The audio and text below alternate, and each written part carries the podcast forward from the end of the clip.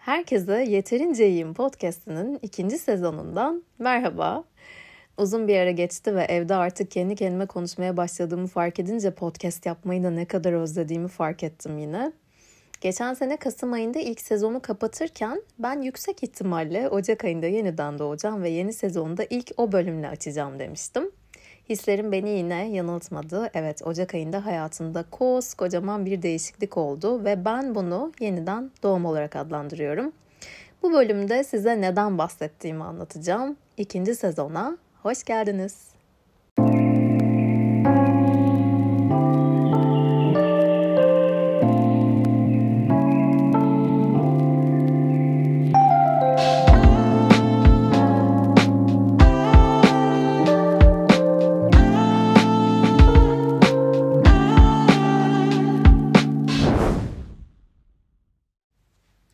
Şimdi düşünüyorum da son iki buçuk ayda neler oldu. Valla epey bir şey oldu hayatımda.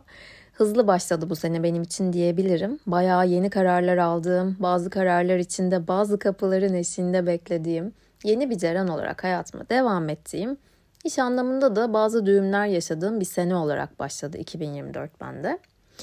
Bugün yeni bir Ceren derken, yeniden doğdum derken neden bahsediyorum onu anlatacağım. Diğer konular diğer bölümlere kalsın. Bu arada normalde ben kayıt yapmak için sessiz saatleri hep seçerim. Normalde ya çok sabah e, erken bir vakitte ya da gece yarısı gibi ama bugün böyle tam da öğle ortasında yapmak istedim. Yoksa uzattıkça uzatıyorum. Sürekli bir bahane üretiyorum kendime gibi hissediyorum. Araya da epey zaman girdi. Bir seyahat girdi. Ondan önce babam geldi gitti, annem geldi gitti, sömestr falan derken rutinime bir türlü giremedim. Ben de tam rutin insanıyım. Az biraz böyle kayınca hemen tüm planları erteleyen bir tipim. O yüzden arka planda bolca ses olacak muhtemelen. Umarım sizi rahatsız edecek boyutta olmaz. Şimdi yeniden doğdum demek belki biraz fazla iddialı gelebilir. Ama şöyle düşünelim. Hayatımızda bazı dönüm noktaları vardır işte bilirsiniz. Nedir? Doğarız, konuşmaya başlarız, yürürüz ya da konuşmadan mı yürüyorduk?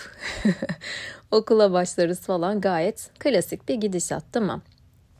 Ben de üstüme düşen tüm klişeleri bir bir gerçekleştirdim. Sonra 30'larımda hatta böyle ikinci yarısı gibi bir an geldi. Bazı aydınlanmalar yaşadım ve içinde bulunduğum yaşamı devam ettirmek anlamını biraz yitirdi. Burada e, kişi podcaster boşandığını söylemeye çalışıyor. Ondan sonra benim hayatım bildiğiniz raydan çıktı. Yani hem de ne çıkış.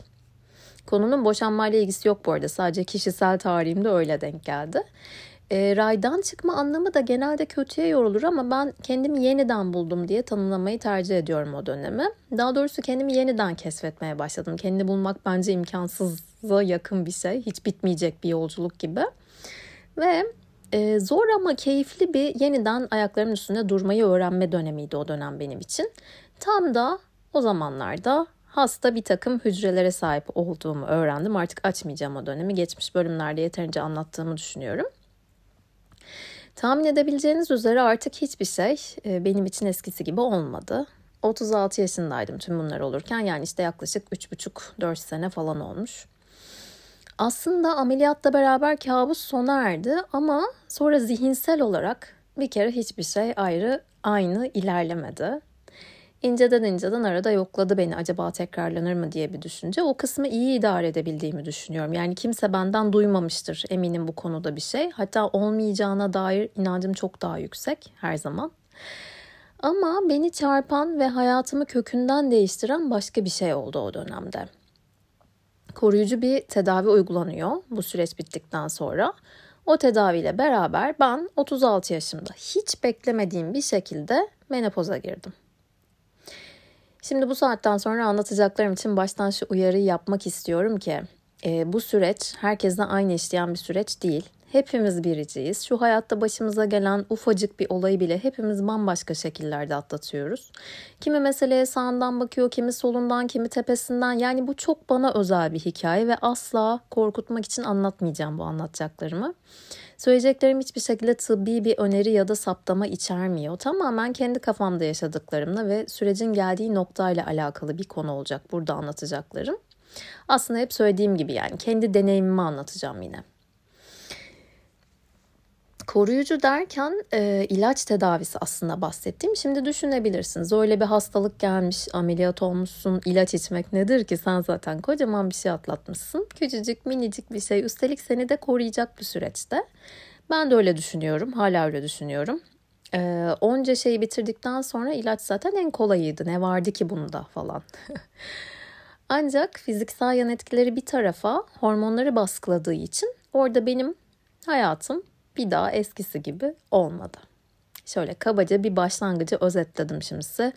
Bundan sonrasında tamamen duygusal olarak neler yaşadığımdan bahsetmeye çalışacağım. Ben normal gündelik hayatımda duygusal tarafı ağır basan biriyimdir. Konulara böyle mesafeli yaklaştığımda yani diyelim bir arkadaşımın başına bir şey geldi. İster istemez konunun dışından mantık tarafından bakıp gayet güzel akıllar veririm. Mantık abidesi falanımdır ama klasiktir zaten. Söz konusu insan kendi olunca mantık çoğu zaman işlemez. Bu bence zaten yani çoğumuz için geçerli. Bu tarafta genelde ilişkilerde ortaya çıkar. Her türlü ilişki bu arada bahsettim yani sadece gönül ilişkileri değil, aile ilişkileri, arkadaşlar hatta sokaktaki herhangi bir insanla olan ilişkisi ilişki bile. Yani gönül ilişkisi deyince de çok yaşlı hissettim bu arada kendimi. Şimdi düşünün ki 36 yaşındasınız, iyi kötü bir hayatınız var. Kadınların bu arada adet döngüleri de var biliyorsunuz ama artık onu az çok kestirebiliyordum. Regl, e, regl tarihim yaklaşmaya yakın Bende de pek çok hem cinsimin yaşadığı ağır dramlar yaşanıyordu. İşte her şeye takılma, normalde üstünde durmayacağın bir meseleye hüngür hüngür ağlama, hırçınlık falan. Düşünün ki ben son üç buçuk senemi her an regl olacakmış gibi geçirdim. Aklınız almıyordur eminim. Şimdi düşünce bana da çok acayip geliyor. E, bu arada doğal menopoz böyle bir şey mi e, emin değilim. Bence değil. Ben ilaçla girdiğim için yapay olarak adlandırıyorum kendiminkini. Şimdi en yakındaki örnek annem. O da menopoza ilk girdiğinde hatırlıyorum işte o sıcak basmalarını. Biz kalın kalın montlar giyerdik. Kışın annem incecik şeylerle daha akıllıca giyinmeye çalışırdı dışarı çıkarken. İnce ve böyle kat kat giyinirdi. Her an üstünden birkaç e, kat çıkarıp rahatlatmak için kendisini. Duygu durumunu çok iyi hatırlamıyorum ama gergin olduğu oluyordu haliyle. Ee, bir yerde okumuştum ben de doğal şekilde menopoza girerken vücut kendisini hazırlıyor. E, çünkü çok doğal bir süreç aslında. Ama ilaçla girince böyle bam güm dalıyor. Yani bu benim yorumum bir yerde okumadım bu ikinci kısmı. Sonra ben ilaçları kullanmaya başladım. Heyecanla ve gergin bir şekilde bekliyorum acaba ne olacak diye. Birkaç gün sonra böyle ufak ufak sıcak basmaları başladı. Hiç unutmuyorum. Aa bu muydu ya endişelendiğim şey falan diye mutlu olmuştum. Sanki biri bir şey söyleyince hani kızarırsınız ya böyle utandığınız zaman falan. İşte ilk olarak öyle başladı. Doktoruma da söylemiştim hatta böyle büyük bir neşeyle. Eğer buysa ilacın yan etkisi ben çok okeyim ya falan diye. Sonra günler geçmeye başladı. O dönem kurumsaldaydım ama pandemide işte böyle rahatsızlıkları olanlar çalışmıyordu. Ben de aşı çıkana kadar çalışmadım e, bir sene kadar. Evdeydim işte bazen bazı korkunç şeylerde bile bir hayır oluyor ya. Ben o adaptasyon sürecini bence evde kalarak, kendimle vakit geçirerek ve e, spora falan başlayarak daha az insanla muhatap olarak kendimi anlamaya çalışarak geçirdim. Kulağıma şu an iyi geliyor ama şeyi de düşünmeden edemiyorum. Belki de kafamın içindekilerden uzaklaşmak için çalışmaya devam etseydim farklı olabilirdi. Bilmiyorum artık geçti zaten.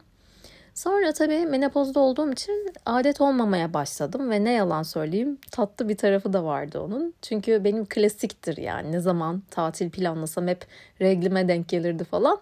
E, regl olmak zaten yani çok da konforlu bir şey değil takdir edersiniz ki. Sonra düşündüm süper ya bu böyleyse çok da abartılacak bir tarafı yokmuş. Çünkü internette her konuda olduğu gibi yer yerinden oynuyor. Herkes bir şeyler anlatmış filtresiz şekilde. Haliyle başlamadan önce benim de ödüm patlamıştı. İlacın prospektüsünde de var tabii tüm bu yan etkiler. Hatta en çok e, korktuğum şeylerden birisi de cinsel isteksizlikti. O prospektüste yazıyor mu emin olamadım şu an ama internet yine çalkalanıyordu bu konuda. Erkek arkadaşımla endişelendik açıkçası çünkü bence artık pek çoğumuz da biliyor ki ilişkilerde cinsellik olmazsa olmaz bir yerde. Hatta ilişkiyi geçtim. İlacı minimum 5 sene kullanmaktan bahsetti doktorum. Nasıl yani hani 5 sene boyunca e, isteksiz mi olacağım ben şimdi diye düşündüğümü hatırlıyorum. E zaten ilaç bittiğinde de doğal, doğal menopoz yaşım gelecek falan diye düşünüyorum. Böyle karalar bağlamışım. O zamanlar bu kadar bilinçli değilim tabii. İşte menopoza girince kimse sevişmiyor falan zannediyorum. Hatta bazen Instagram'da da beni bulup e, bana bu konuda yazan, ilaca başlamak üzere olan kadınlar oluyor. Mutlaka bunu soruyorlar. Çok şükür bende hani öyle bir şey olmadı. E, buradan da söylemiş olayım. Kuruluk olabiliyordu zaman zaman ama onda neyse ki çaresi var. Ben de bana soran kadınları hep anlatıp rahatlatmaya çalışıyordum onları. Sonra yavaş yavaş sinsice diyeyim hatta bu hormonların bünyemde yarattıkları sebebiyle ben 36 yaşındaki o mütevazi tolerans konusunda adeta bir ilah efendime söyleyeyim sabır taşı her şeyi içinde yaşayan, bir laf etmeden önce 80 kere düşünen, aman karşımdaki insanı incitmeyeyim diyen Ceren'i yavaşça uğurladık. Nasıl biri geldi biliyor musunuz?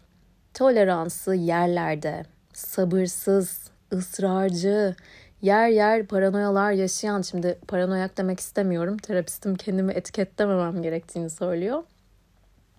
Bu arada bu paranoya çok doğru bir kelime de olmayabilir. Çünkü çok uzun süreli e, kurgular değildi bunlar. Daha anlık oluyordu pek çoğu. Şimdi bu değişiklikler bir anda olmadı. Yani bir gün uyandım ve işte başka biriyim ben falan gibi değil. Dediğim gibi çok yavaş ilerledi her şey. Ben farkına bile varmadım uzun bir süre hatta diyebilirim. O dönem etrafımdaki pek çok insan da farkına varmadı. Çünkü hepsini ben içimde yaşadım. Herkes bana ya Ceren sen ne güçlü birisin demeye devam etti. İşte sanırım bu kelimeyi de bu yüzden sevmiyorum insanı içine döndüren bir tarafı var. Yani güçlü olmak çok da matah bir şeymiş gibi gelmiyor benim kulağıma. Güçsüz olduğunu söylemek ve destek istemek, yardım almak benim gözümde çok daha kıymetli bir yerde. Ben ne güçlüyüm, uf bunun üstesinden ne de güzel geldim demek bilmiyorum ya pek inandırıcı değil. Ben sanırım artık başarı hikayelerine inanıyorum. Şöyle katman katman, içinde böyle kan ter gözyaşı olan, samimiyetle ifade bulan. Yoksa Başına bir şey geliyor ve ertesi gün kalkıp hiçbir şey yokmuşçasına davranman her şeyden önce kendine şefkatsizlik. Hep burada da söylediğim gibi kimi zaman da yerde sürüneceğiz yani arkadaşlar. Diğer türlüsü hep erteleme, hep içinde biriktirme, içinde biriktirip kendini hasta etme. Kimi zaman da nazik olmayacağız yani. Çünkü bu bazı durumlarda kendi nezaketsizlik. Değmez yani. Neyse bak sinirleniyorum bu konularda dönüyorum konuya. Gerçekten her şeyde bir hayır olduğuna ben hep inanmışımdır. Zamanında kötü hissettiğim konularda bir süre sonra iyi ki böyle olmuş demişimdir hep. Bu konuda da öyle hissettiğim bir şey var. Tüm bu süre zarfında Ekin'in babasının yanında okula gitmesi benim ilk başlarda anneliğimi sorgulamaya kadar gittiğim, sonra e, terapilerle ikna oldum ve şimdi de iyi ki öyle oldu ya dediğim bir konu. Çünkü o kadar toleransım yoktu ki çoğu zaman. Bazen ekinleyken de hissediyordum onu işte. Mesela çocuğa sürekli hadi hadi hadi diyorum. Yahu neyin acelesi bu? Hadi hadi en sevmediğim şeydir. Babam çok yapardı bize çocukken. Hani okula falan da yetişmiyoruz ki alt tarafı markete gideceğiz mesela. Yani o kadar sabırsızım. Oyun falan oynayamıyorum zaten hiç doğru dürüst. Dakika sayıyorum bitsin diye. Yani çok zordu o kısmı. Ekin hafta içi babasında oluyordu geçen bölümlerde anlattığım gibi ve ben ne yapacağımı, nereye koyacağımı bilemediğim yeni Ceren'e alışana kadar en azından o etkilenmedi bu durumdan. Onun için mutluyum. Bunun da bu arada çok yeni farkına vardım öyle söyleyebilirim. Neler oldu şimdi bir düşününce bir kere pek çok şeyi içimde yaşamaya devam ettim. Normalde de dediğim gibi ben zaten içe dönük biriyim. Yani dışıma yansıttığım çoğu şeyin çok daha fazlasını içimde yaşarım. Bu süreçte de öyle oldu ama bunu dengelemem biraz zaman aldı. İlk zamanları düşününce çok fazla gözyaşıyla geçti diyebilirim. Düşünün ki onca sene zaten belli bir karakterle, bir dengeyle yaşamışsınız. Artık tanıyorsunuz kendinizi. Nerede ne tepki vereceğiniz belli. Çok az sürpriz var bu anlamda hayatınızda ama sonra gün geliyor ve aa kim bu ya içimden çıkan? Bir de ilişkim var ve uf yani hani ne kadar yıprandığımızı tahmin edemezsiniz. kendimi etiketlemeden nasıl anlatabilirim bilmiyorum ama normalde hiç üstünde durmayacağım pek çok şeye çok takıldım bir süre. Çok peşinden gittim aslında olmayan şeylerin. Yanlışın üzerine daha büyük yanlışlar yaptım. Çoğu zaman bazı şeyleri tolere ettim sanarken yine içimde yaşamaya başlayıp kendime zarar verdim. Ve durup bir ara düşündüm gerçekten ya. Gerçekten kim bu içimdeki? Acaba yıllardır içimdeki uslu kız çocuğu artık içindekileri mi tutmak istemiyor yoksa bir başka kişilik mi çıkıyor içimden? Ve biliyor musunuz bunun cevabı hala yok bende. Ve hep şeyi düşündüm. İkili ilişkilerde yaşadığım sorunlarda. Ben çok haklı hissediyorum. Evet, bence kesin haklıyım. Ama bir dakika ya, ya değilsem? Bu soruyu sormak da çok sonra geldi bana. Çünkü o zamana kadar empati kraliçesi olduğumu zanneden ben sürekli bir kanırtma durumundaydım. İşte ben böyle hissettim. Dolayısıyla şöyle şöyle olaylar da var elimde. Ben haklıyım. Karşıdaki insanın gözünden bakmak falan hani mümkün değil. İşin kötüsü şu, zamana bırakamıyorum, es veremiyorum, duramıyorum. İçimde öyle bir itki var ki, hayır yani şu an neyse çözelim. Haklıysam haklılığım kabul görsün. İpin ucunu bırakırsam kaçar. Tam anlamıyla kanırtmak ya bunu başka türlü ifade edemem bence. Ve e, bir zaman sonra zaten ilişkiden çıkıp savaşa dönüştü diyebilirim. İşe döndükten sonra da zorlandığımı kabul etmem lazım. Çünkü gerçekten kimseye tahammül edemedim. Bu tabii yaptığım işten çok uzun süre yapıyor olmamdan, bıkmamdan, yaptığım şeyin artık beni mutlu etmemesinden de kaynaklıydı. Ama şöyle sağlıklı bir değerlendirme de yapamadım bence. Ve şeyi düşündüm. Şimdi orada başka bir kimliğim var elbette. Yöneticiyim ve çalışanlarla hem çalışanlarla hem müşterilerle o kimlikte çalışmak durumundayım ve o kimlikte bildiğiniz sabır taşı olmak zorunda şeyi düşündüğümü çok hatırlıyorum. Burada hiç tanımadığım ve karşımda olabildiğince saçmalayan şu adama tolerans göstermek zorundayım da kendi özel hayatındaki insanlara, aileme neden bu toleransı gösteremiyorum? Cevap elbette basit ama ben bu soruyla da baş edemedim bir süre ve çok üzüldüm. Çok da zorlandım. İnanılmaz zorlandım. Hepsini ilaca bağlayamam. Ama yeni bene alışırken çok da sancı çektim. Normalde halledebileceğim şeylerdi. Bir yandan da aa ne kadar da minnoşmuş ya dediğim sıcak basmaları dönem dönem beni delirtmeye başladı. Çünkü artık ona da tahammülüm kalmadı. Şöyle bir düşünüyorum da yine yeterince iyiyime bağlayacağım sanırım. Gerçekten Instagram'da mesela 3 dakika önce şahane bir fotoğrafımı paylaşmışım. Altına yardırmışım. Şöyle oldu ama ben böyle dersler aldım. Hayatta aman ne şahane falan diye. Ama bundan 5 dakika sonra bana gelmişler. Üstümde başımda ne varsa fırlatıp atmışım. Kıpkırmızıyım. Her şeyden ölümüne nefret ediyorum. Derin soluklar almaya başlamışım. Kalbim deli gibi çarpıyor. Sanki derin bir çukurdayım ve çıkamayacağım. Bu bahsettiğim korkunç tablo neyse ki birkaç saniye sürüyor. Sıcak basması belki 2-3 dakika. Bu karamsar çukur metaforunu düşünmek saniyelik. Yani verdiği bir his var. Ama çabucak atlatmaya başlamışım çünkü o kadar anlıyorsunuz ki bir saatten sonra yapay geldiğini. Güzel haber bu. Evet geliyor ama birkaç saniye sonra zaten gidiyor. Ama belki yarım saat, belki bir saat, belki birkaç saat sonra tekrar geliyor. Yani yıllarca bununla yaşamak. İlk iki senesini falan böyle bir şekilde geçirdim. Son sene çok zorlanmaya başladım. Bir de araya yazın başka bir şey girdi onu da anlatmadım hiç. Bu diğer ameliyatsız memede bir ağrı hissettim ve Bodrum'a gitmeden önce onu da göstereyim istedim. Ultrason çekildi. Çeken profesör bakarken evet bir şey gördüğünü ama korkulacak bir şey olmadığını söyledi ki zaten vardı e, aslında orada bir lezyon, bir kist artık her neyse öyle bir şey vardı ve ben de rahatlamış şekilde Bodrum'a gittim. Ama birkaç gün sonra rapor çıkınca doktorun biyopsi istediğini gördüm ve yaşadığım şoku size anlatamam. Hemen geçmişe gittim çünkü biyopsi önceki durumda da en son aşamadaydı. Oradan haber gelmişti ve ben iki gün içinde ameliyata girmiştim. Onkolom genel cerrahi doktoruma göstermemi istedi. Maalesef öyle bir doktorum da yoktu. Çünkü ameliyattan sonra implant yerleştirilen meme ile ilgili bir sıkıntı yaşıyordum ve hastanenin asla alakadar olmaması yüzünden de dava sürecine girmek üzereydik. Her neyse işte ben bayağı stres oldum. Bodrum'a gider gitmez. Onkoloğuma acilse Bodrum'da bir doktor bulabileceğimi, hani, hani o kadar aciliyeti yoksa İstanbul'a dönünce gösterebileceğimi söyledim. O da acil değil dedi ve ben biraz rahatladım. Yani rahatladım birkaç gün ama kafamın içindeki ses susmadı. Ya ciddi bir şeyse ya ben burada rahat rahat tatil kafasındayken o orada ilerlerse düşündüm ve dedim ki zaten ben burada şimdi bir cerrah göstersem benden MR isteyecek. En iyisi ben burada bir MR çektireyim. Madem vaktim de var özel hastanelere para vermekten de canım çıkmış. Güzel güzel devlet hastanesine gideyim. Bir hafta sonrasında devlet hastanesinden randevu buldum. Oradaki doktor raporu değerlendirdi ve evet görüntüleme istedi. Ama o hastanede meme MR'ı yoktu. Araştırma hastanesine gitmemi söyledi Muğla'da bulunan. Tamam dedik. Randevuyu bir hafta sonrasına buldum. Bu arada tabii içim içimi kemiriyor. Yani neyse.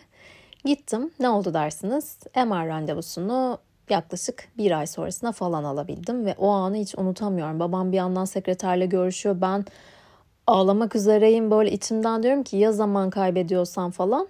O arada özel hastaneyle görüştüm. MR fiyatı aldım ama MR'la zaten bitmiyor yani. Bir başladı bir sürü şey geliyor ardı ardına. Belki biyopsi, oradan belki başka bir şey ama verdikleri rakamlara inanamazsınız. Sigortamda eski işlemden ayrılırken her türlü meme e, ve cerrahi işlemini hariç tuttu. Ki bu zaten yani düşündükçe inanılmaz e, sinirlendiğim, kötü hissettiğim bir deneyimdi. Neyse çok uzatmayayım. Benim MR çekinmem, MR'ın sonucunu almam, tekrardan doktordan randevu almam falan iki ayı geçti. Bu arada sevgili kuzenim beni rahatlattı. E, o yüzden aslında yani hani bir şekilde özele yine giderdim belki. E, zaten hani e, mahvolmuşum o özel hastane paralarından yine giderdim ama e, senenin başında ben implantımı düzelttirmek için bir ameliyat oldum ve o implantın e, bir takım şeyleri işte o lezyonları harekete geçirebileceğini daha doğrusu işte biraz büyütebileceğini söyledi ve bana çok mantıklı geldi bu. O yüzden devletteki e, o deneyime devam ettim. Eee Doktordan randevu almam falan benim iki ayı geçti o MR'ın sonucuyla beraber. O arada da İstanbul'a döndüm ve özel hastaneye tıpış tıpış geri gittim. Devletteki deneyimim onca sinir stres hiçbir işe yaramadı. Çünkü kendi hastanemdeki doktorum başka görüntülemeler de istedi. Neyse bunca şeyin ardından sonuçlarda kötü bir şey çıkmadı ve takip edileceğini söyledi doktorum. Çok şükür. yani bunca şeyi niye anlattım? bir kez daha söylemek istiyorum ki fırsat bulduğum her yerde söylüyorum zaten. Maalesef bir kez hastalanınca bir daha hayatınız eskisi gibi olmuyor. Sürekli kontroller, ilaçların yarattığı yan etkiler yüzünden başka başka sıkıntılar.